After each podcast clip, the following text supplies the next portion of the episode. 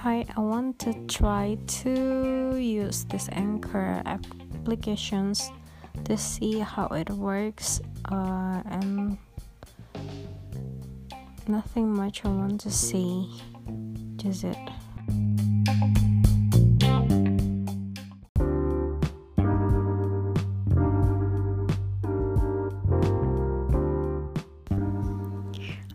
Guys, uh, jadi uh, di tahun 2016 awal aku ngelakuin diet kan.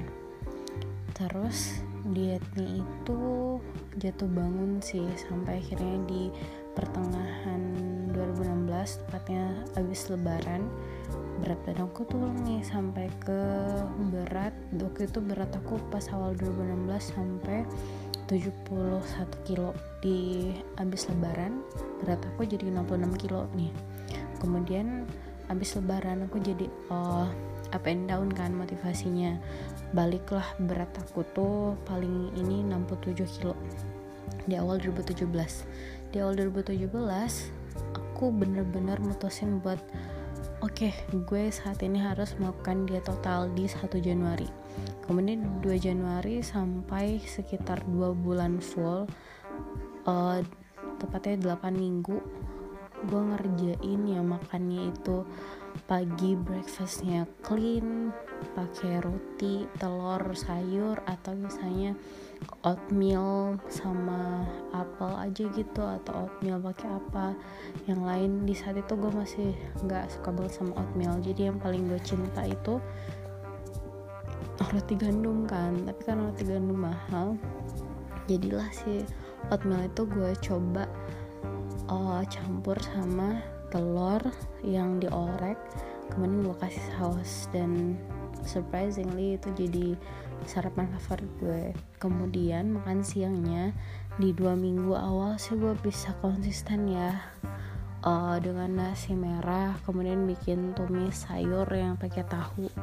Terus karena gue makannya di kantor itu seringnya sama teman-teman kantor jadi sering diladekin lah gitu kan.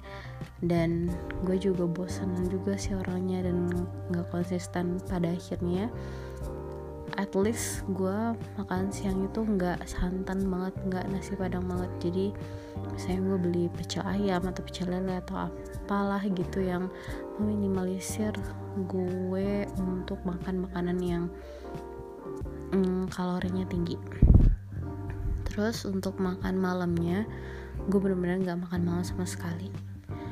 Oh iya satu lagi kebiasaan yang gue biasain sama 8 minggu itu adalah gue minum gak 8 minggu aja sih itu berlanjut sampai di bulan berikutnya juga gue minum air putih minimal 4 gelas ketika gue nyampe kantor.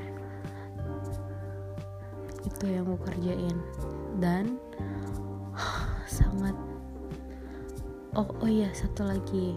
Itu bagian makannya ya. Kemudian untuk olahraganya gue selama lima hari berturut-turut itu ngikutin fitness blender. Ada yang mereka ngasih olahraga untuk kelima hari full yang berbeda-beda setiap harinya. Jadi gue kerjain dari hari Senin sampai hari Jumat uh, workout 1, 2, 3 sampai 5 nya kemudian di hari Sabtu gue ngerjain olahraga lain berhubungan dengan dance gitu. Jadi kayak refreshing gitu. Soalnya kan yang fitness blender itu mereka cuman tiktok tiktok hitungan detik gitu ya. Jadi agak bosen gitu sama suara uh, si modelnya gitu. Jadi dari Sabtu gue memutuskan untuk bikin atau gue agak refreshing dengan melakukan olahraga yang bikin gue happy terus dari hari minggu gue libur. Gue ngerjain nih 8 minggu olahraga. Eh ternyata berat badan gue nggak stuck dong nggak turun-turun sama sekali. Terus gue kayak yang ah ya udahlah udah nyobain 8 minggu nggak ada hasil di bulan Maret. Kebetulan gue sibuk juga hancur lah semua makan gue. Cuman gue cu masih membatasi lah gitu kalori yang masuk ke kalori intake yang gue masukin ke badan gue. Di bulan April gue ketemu nih sama yang namanya cacing citra. Dia adalah suhu senam gue sampai sekarang. Di gue ikut kelasnya dia dari mulai Maret akhir sampai sebelum lebaran. Gue gue ikutin kelasnya terus menerus itu berat badan gue di bulan April mulai turun nih sekilo dua kilo sekilo dua kilo. Kemudian gue ngelihat kalau di tempat senam kan ada kaca kan ya jadi bisa ngelihat tuh bentukan badan sekarang kayak gimana. Yang bagian perutnya udah kecil sih tapi di bagian lengannya oh my god gue bermasalah banget sama lengan emang lengan gue itu besar ya Allah. Gue sampai malu gitu kayak minder sama diri sendiri. Mana bukan jerawatan hitam dekil banget. Jadilah uh, oke okay, at least gue ke sini buat olahraga gitu. Pakaian gue selalu hitam yang gue pakai baju hitam legging hitam. Jadi kelihatannya tuh ada efek-efek langsing padahal enggak ya. Terus masuk bulan puasa semua olahraga stop gue lanjut puasa aja. Di bulan puasa makan gue biasa aja makan nasi sekali kemudian pas sahur gue nggak makan sama sekali. Tada di bulan habis bulan puasa berat badan gue mencapai 55 kilo. Itu berat badan gue paling rendah seumur hidup gue. Oke gue saat itu gue nggak happy banget sih tapi kayak ya enjoy aja punya badan yang kurus tapi gue nggak happy karena gue biasa punya PD yang besar waktu itu jadi kayak kecil banget pantat yang besar karena lemak sih sebenarnya.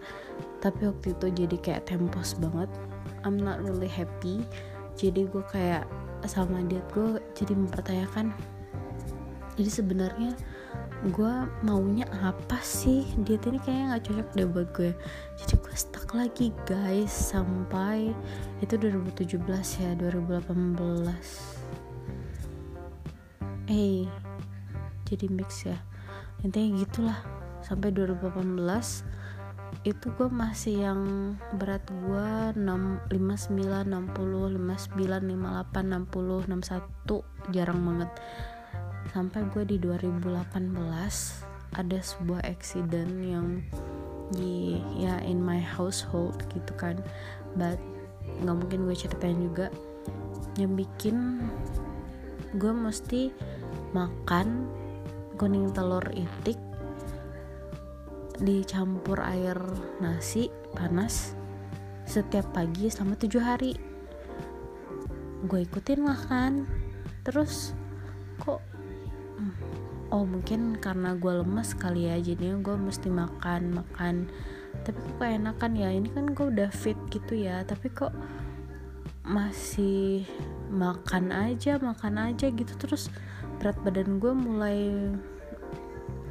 mulai standby di 61 waktu itu. Terus gue masih santai. At least gue masih banyak baju yang bisa gue pakai. Terus di dua makin ke sini ketika itu gue ada promosi jabatan yang mana gue nggak mau sebenarnya. Gue stres lah saat itu.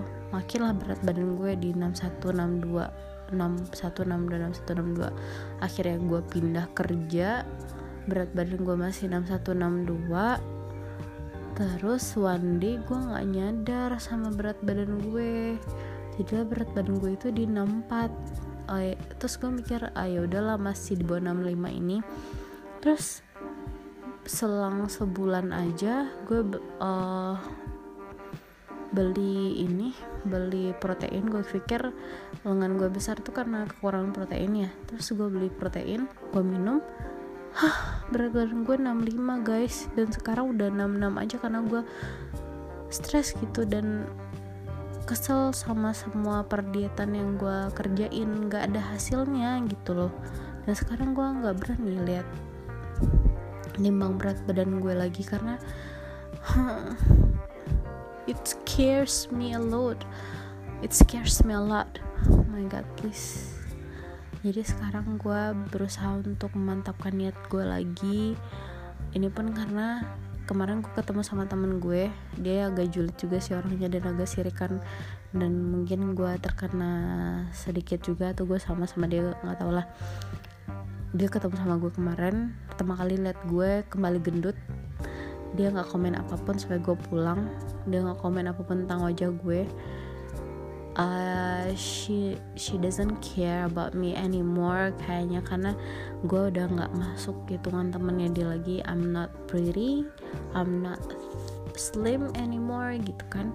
Dan gue bukan saingan dia lagi. Dan tadi pagi, tadi pagi dia upload dong berat badannya dia udah 5-6 kilo. Gue kayak aduh gue ditinggal. Kemarin dia gendut. Terus dia udah kurus. Kemarin gue kurus sekarang gue gendut. Oke okay, baik sepertinya gue harus harus banget untuk diet lagi. Karena kasihan sih pacar gue. Hmm, gue jadi minder gitu. Dia ba dia nggak komen banyak sih tapi dia nggak komen banyak tapi gue kayak ngerasa bersalah aja gitu. I'm sorry babe.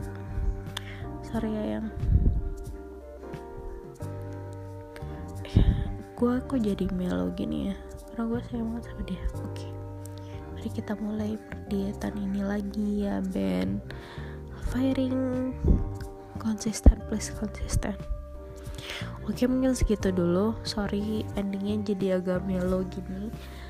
Karena gue butuh motivasi sebenarnya. Tapi gue bingung motivasi motivasi itu gimana cara ngejaganya? Motivasi mah gampang ya buat ngambilnya dari mana aja. Ketika kita mikir ya ini bisa motivasi kita ini bisa motivasi kita. Tapi motivasi apa yang bisa bikin kita keep on the track for a long time with so much effort with so many kind of challenge hambatan rintangan gitu ya kembali lagi ke niat ya. Semoga niat gue niat gue keep on the track. Gue nggak lupa gue mesti diet mesti ngejaga diri gue mesti ngejaga wajah gue badan gue harus gue rawat lagi. Dan yang terpenting gue mesti hemat. Gue mesti ngasilin tahun besok 70 juta biar gue bisa jalan-jalan ke Jepang. Sama pacar gue atau sama adik gue terserah. Penting gue pergi ke luar negeri sama pacar dan adik gue. Oke okay, sekian dulu. Bye good night.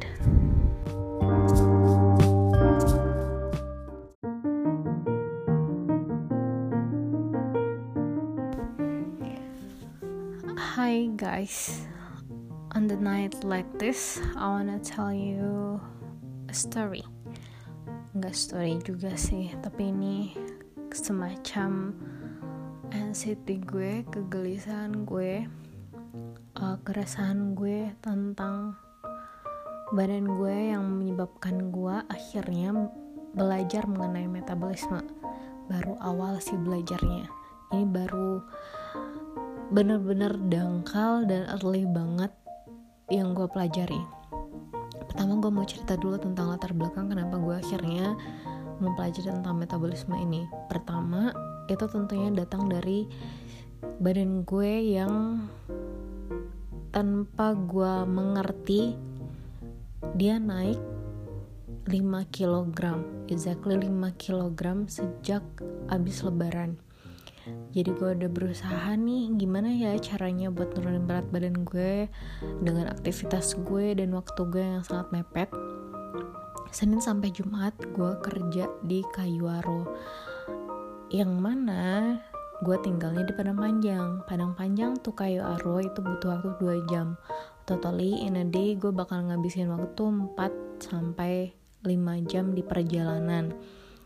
Dari jam setengah delapan sampai jam 4 sore otomatis gue ada di Kayuaro yang man dan makan pagi gue gue selama 4 sampai 5 minggu gue skip gue undur sampai di waktu jam 11 sampai jam 12 siang gue baru makan sesuatu uh, semacam jus, jamu, kayak gitu. Jam satu gue makan apa aja, whatever. Bisa nasi padang, bisa pecel lele, bisa gue bawa nasi sendiri. Kemudian gue makan pulang, pulang jam 4, nyampe rumah jam jam setengah tujuh atau jam 7 baru gue makan lagi malam lalu gue langsung tidur sejam kemudian gue langsung tidur. Jam 4 pagi gue bangun lagi. Itu berlangsung sampai dari Senin sampai Jumat. Kemudian di Sabtu Minggu gue benar-benar uh, mencoba untuk mengulangi lagi deh yang hal yang sama kayak gitu. Ditambahin dengan olahraga paginya. Sama 4 sampai 5 minggu.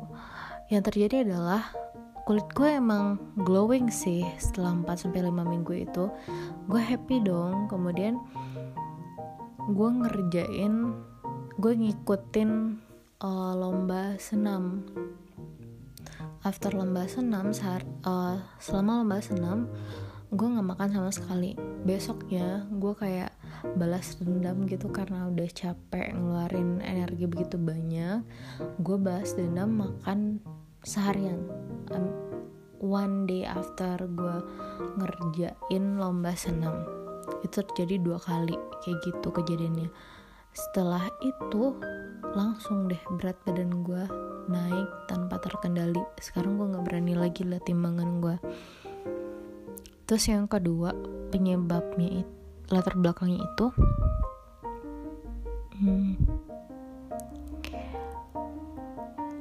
gue bingung nih sama badan gue ya udah deh sekarang gue udah capek buat olahraga nggak tahu lagi metode apa yang bisa gue kerjain buat badan gue biar dia kembali kembali ke berat, berat badan 55 deh kayak gitu.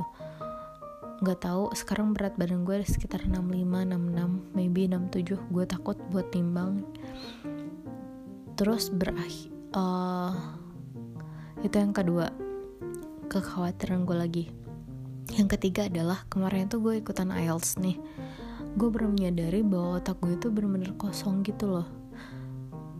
Kayak nggak ada hal lain yang bisa gue bicarakan selain orang-orang kantor gue kerjaan gue kemudian kecemasan gue terhadap lingkungan gue. Cuman tiga itu doang yang bisa gue explain. Gue ditanya tentang hal lain gue nggak bisa ngejelasin karena gue nggak pernah berkecimpung dengan hal itu di keseharian gue jadi gue ngerasa gue butuh sesuatu hal baru yang berkaitan dengan bahasa Inggris tentunya untuk bisa meningkatkan kemampuan gue di bahasa Inggris. Kemudian juga gue butuh ilmu ilmu yang bisa gue explain di dalam bahasa Inggris.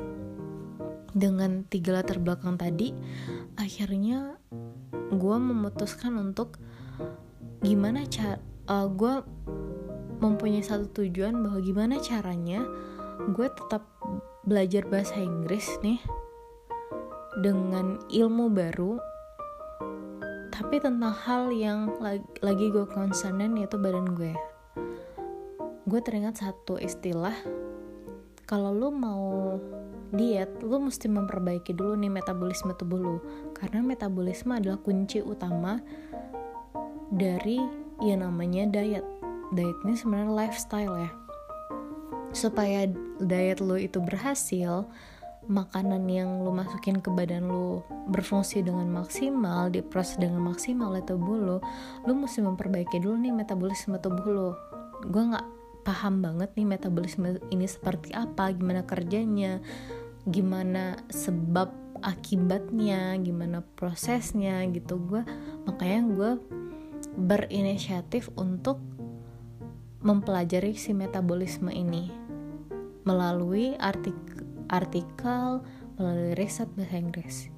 Jadi selama dua hari ini gue mencoba untuk mempelajari si bahasa Inggris ini melalui satu apa ya namanya ya artikel di artikel kecil doang. Dia mungkin sekitar 4 atau 5 halaman. Eh enggak deng sekitar 7 halaman. Jadi gue pelajari lah si artikel si artikel ini. Kebetulan dia juga punya ada berapa tuh ya? Satu 2, 3, 4, 5 sekitar 6 6 riset yang dia rangkum ke dalam bentuk 7 pertanyaan gitu. Jadi gue belajar di situ gue artiin kata per kata.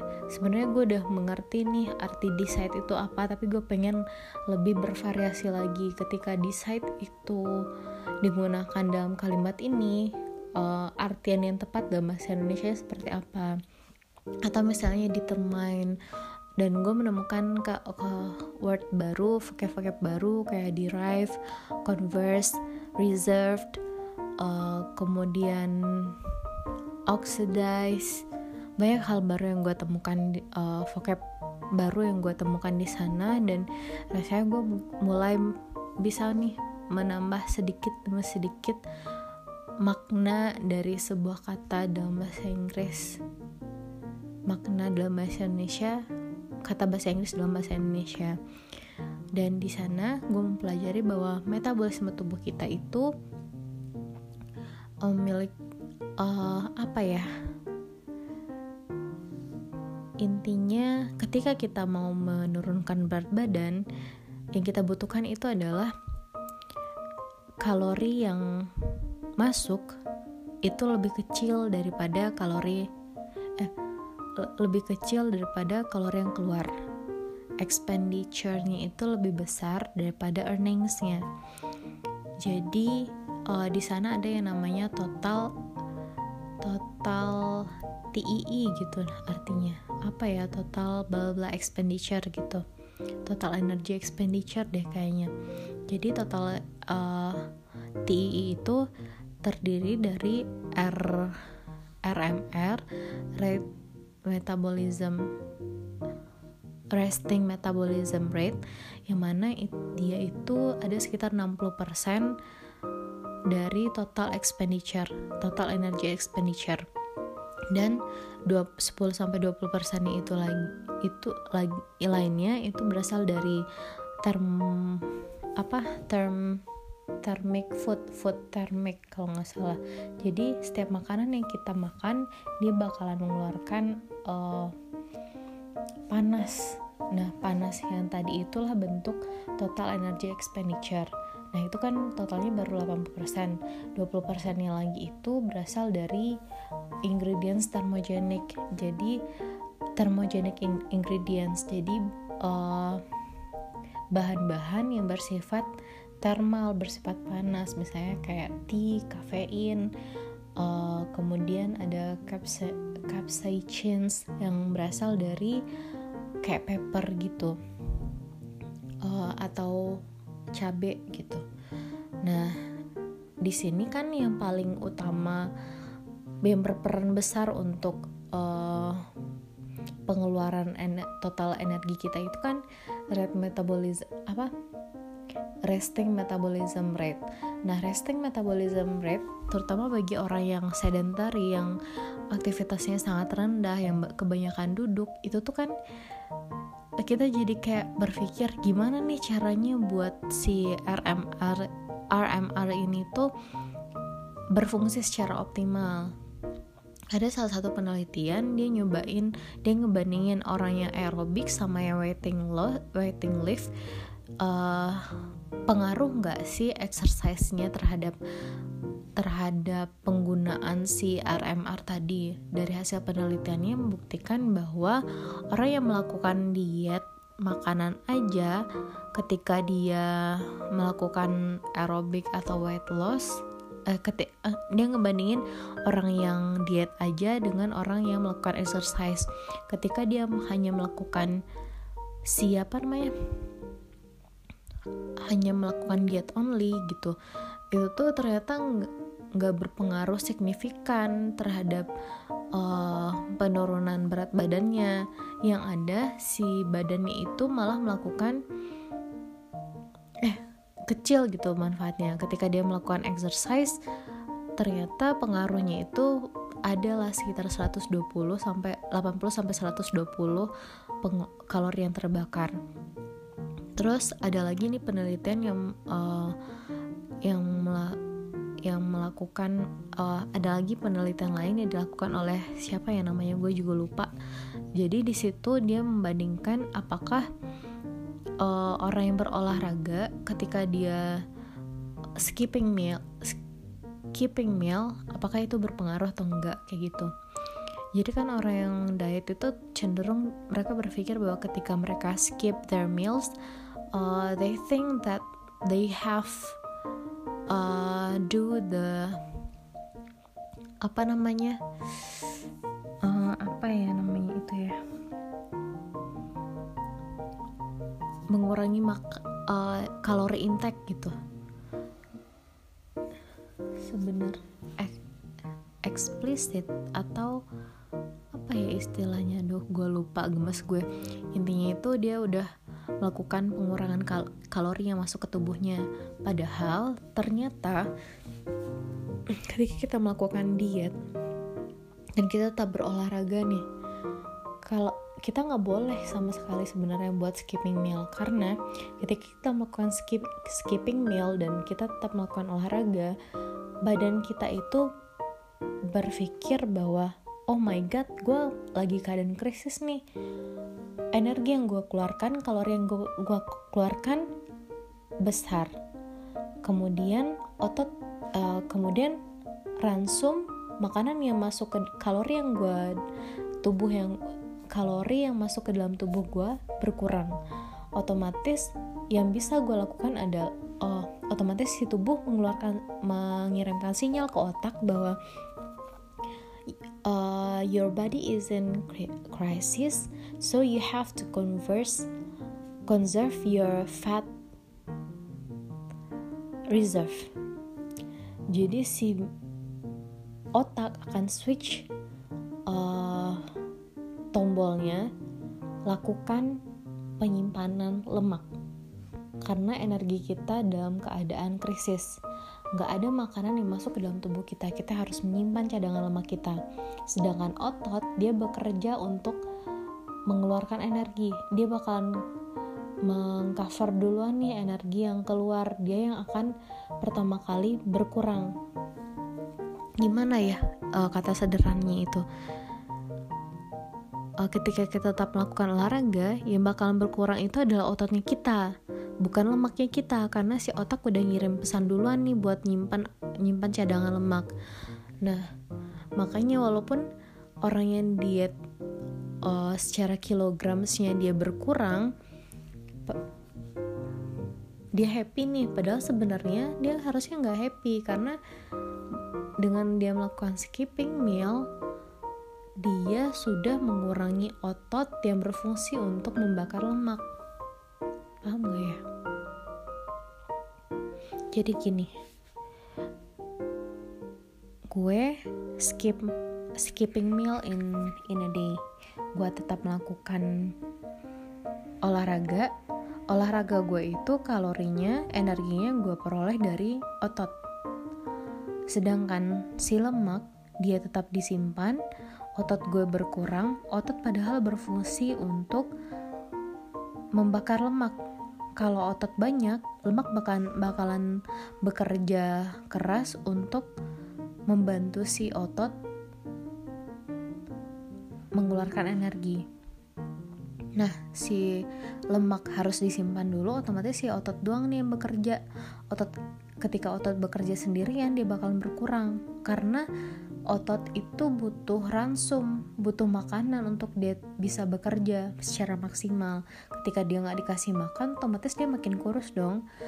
Otot makin kurus, makin berkurang masanya, si lemak makin ya segitu-segitu aja. Ya walaupun badan lu kurus, berat badan lu berkurang, tapi secara komposisi badan lu hanya dipenuhi lemak gitu loh. Kayak gitu.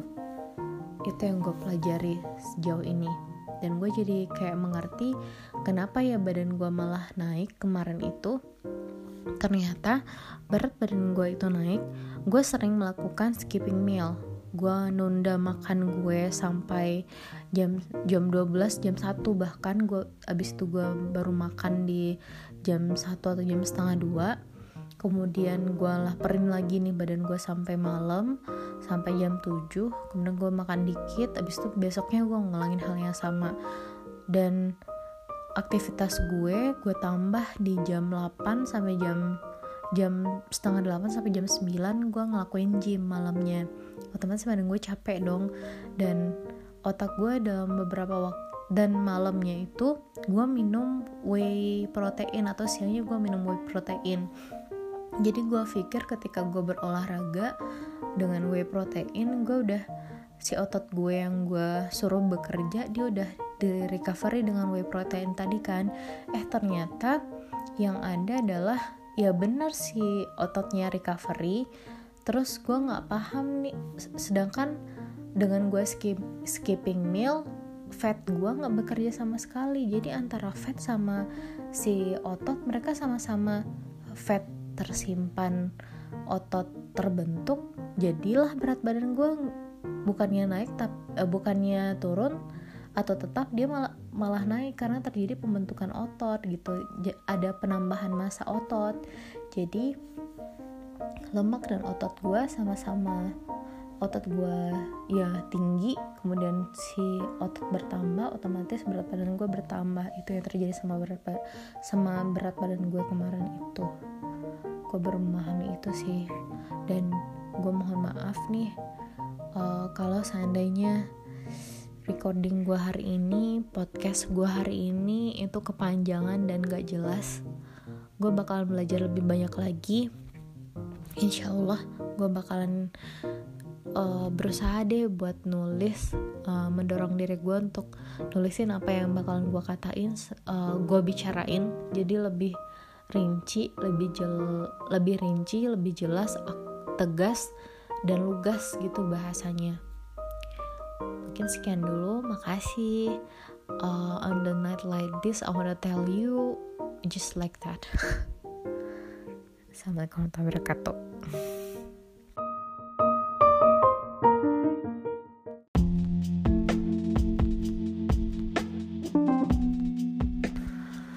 Halo guys, it's me Utari. Um, kayaknya udah beberapa waktu lalu ya terakhir kali gue recording di sini. Lebih ke jujur banget motivasi gue agak-agak melemah dan gue agak mulai merasakan bahwa confidence gue itu jauh berkurang dari sebelumnya. Gue ngerasain badan gue jauh lebih gendut dari sebelumnya. Punggung gue berlemak paha gue berlemak lengan gue apalagi. Dan gue jadi ngerasa jauh lebih pendek karena gue makin sangat-sangat melebar. Dan syukurnya my friend my boyfriend dia nggak ngeluh sama sekali tapi ya aduh gimana ya?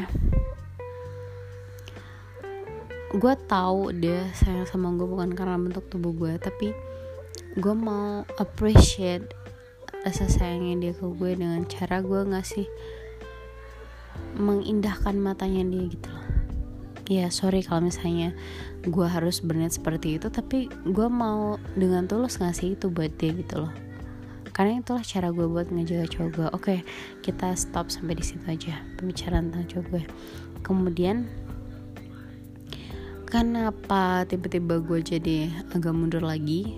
Mungkin karena gue nggak disiplin banget nih gue nggak komitmen dengan apa yang udah gue ucapkan apa yang gue pikirkan. Jadi gue mungkin dengan gue curhat di sini gue jadi kayak lebih tersadar lagi what should I do?